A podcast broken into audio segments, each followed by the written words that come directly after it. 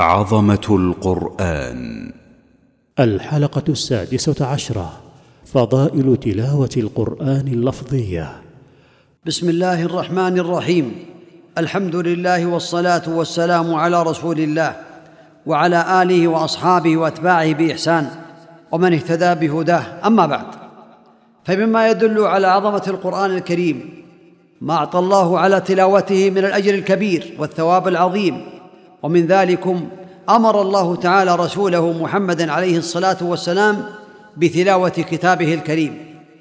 فقال عز وجل إنما أمرت أن أعبد رب هذه البلدة الذي حرمها وله كل شيء وأمرت أن أكون من المسلمين وأن أتلو القرآن. هذا يبين النبي عليه الصلاة والسلام أن الله أمره بذلك سبحانه وتعالى.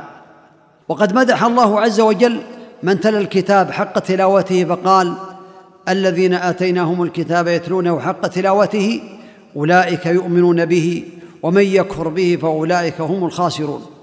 قال ابن مسعود رضي الله عنه والذي نفسي بيده إن حق تلاوته أن يحل حلاله ويحرم حرامه ويقرأه كما أنزله الله ولا يحرف الكلم عن مواضعه ولا يتأول شيئا منه على غير تأويله.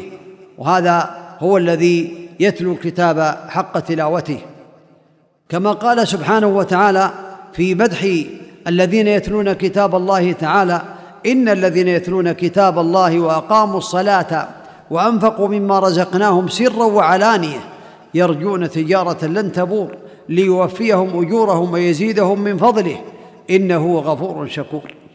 ومن قرأ حرفا واحدا فله به عشر حسنات.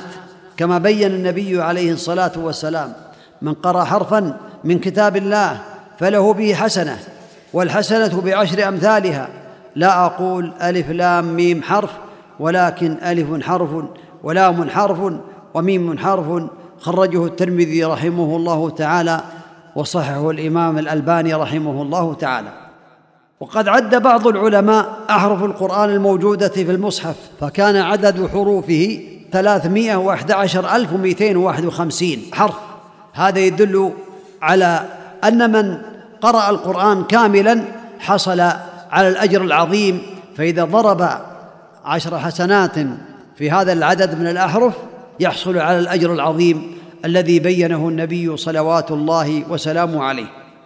والقرآن يشفع لصاحبه. كما قال النبي عليه الصلاة والسلام اقرأوا القرآن فإنه يأتي يوم القيامة شفيعا لأصحابه. اقرأوا الزهراوين البقرة وآل عمران. فإنهما تأتيان يوم القيامة كأنهما غمامتان أو كأنهما غيايتان أو كأنهما فرقان من طير صواف تحاجان عن أصحابهما. اقرأوا سورة البقرة فإن أخذها بركة وتركها حسرة ولا تستطيعها البطلة أي السحرة. ودرجات صاحب القرآن في الجنة بينها النبي عليه الصلاة والسلام بقوله يقال لصاحب القرآن اقرأ وارتقي ورتل كما كنت ترتل في الدنيا فإن منزلتك عند آخر آية تقرأها. رواه الترمذي وأبو داود. القرآن يشفع للعبد يوم القيامة كما قال النبي عليه الصلاة والسلام الصيام والقرآن يشفعان للعبد يوم القيامة يقول الصيام أي ربي منعته الطعام والشهوات بالنهار فشفعني فيه. ويقول القرآن منعته النوم بالليل فشفعني فيه. قال فيشفعان. رواه الإمام أحمد وغيره وقال الألباني حسن صحيح.